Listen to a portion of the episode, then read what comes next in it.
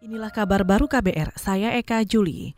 Saudara Kementerian Dalam Negeri bakal mengusulkan kenaikan dana bantuan bagi partai politik.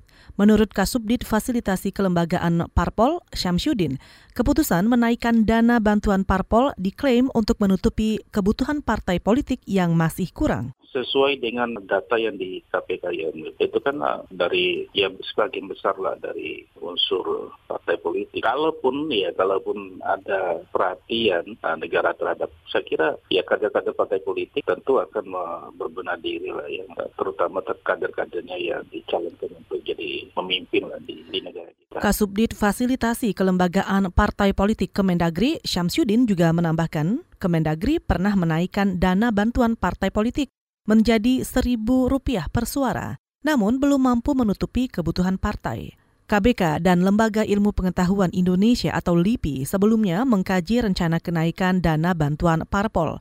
Kajian itu menyimpulkan Idealnya, negara menanggung 50 persen dari kebutuhan parpol, misalnya untuk musyawarah nasional dan kaderisasi internal. Saudara Menteri Koordinator Bidang Politik, Hukum, dan Keamanan Mahfud MD meminta masyarakat tidak meributkan isu pelanggaran HAM di era pemerintahan Presiden Joko Widodo. Mahfud menilai publik tidak mengerti makna pelanggaran HAM. Hal itu ia sampaikan ketika dikonfirmasi dugaan pelanggaran HAM yang dilakukan aparat ketika menggusur warga Taman Sari, Bandung, Jawa Barat pekan lalu. Mahfud juga mengklaim tidak ada kejahatan HAM yang dilakukan pemerintah pada era Jokowi. Menurut Mahfud, berbagai kejahatan yang terjadi saat ini hanya berupa tindakan kriminal biasa yang dilakukan warga sipil. Mahfud juga menilai situasi sudah jauh berbeda dibanding puluhan tahun lalu ketika terjadi konflik vertikal yang terstruktur dan sistematis dari pemerintah kepada warganya. Pemerintah Kabupaten Banyuwangi berencana akan menebang 4 ribuan pohon di hutan mangrove yang berada di muara Sungi Kalilo.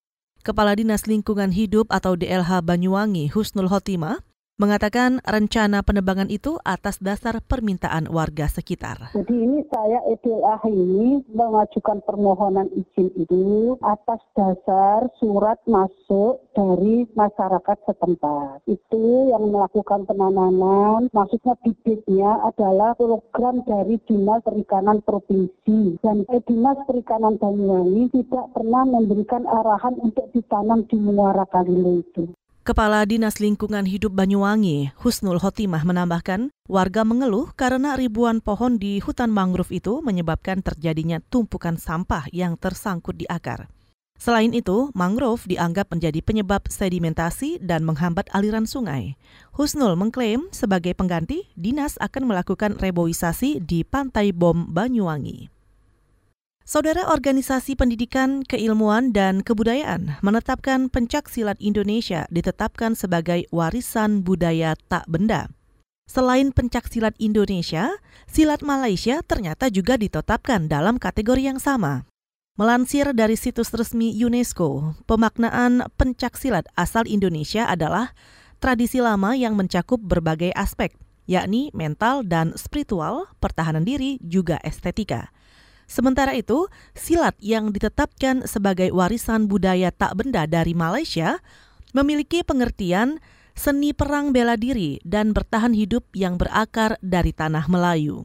Dalam video yang diunggah UNESCO, Malaysia menyebut silat maupun pencak silat merupakan seni bela diri tradisional asli dari tanah Melayu. Tanah Melayu itu meliputi Indonesia, Malaysia, Brunei Darussalam, Singapura, Filipina Selatan, dan Thailand Selatan. Saudara demikian kabar baru, saya Eka Juli.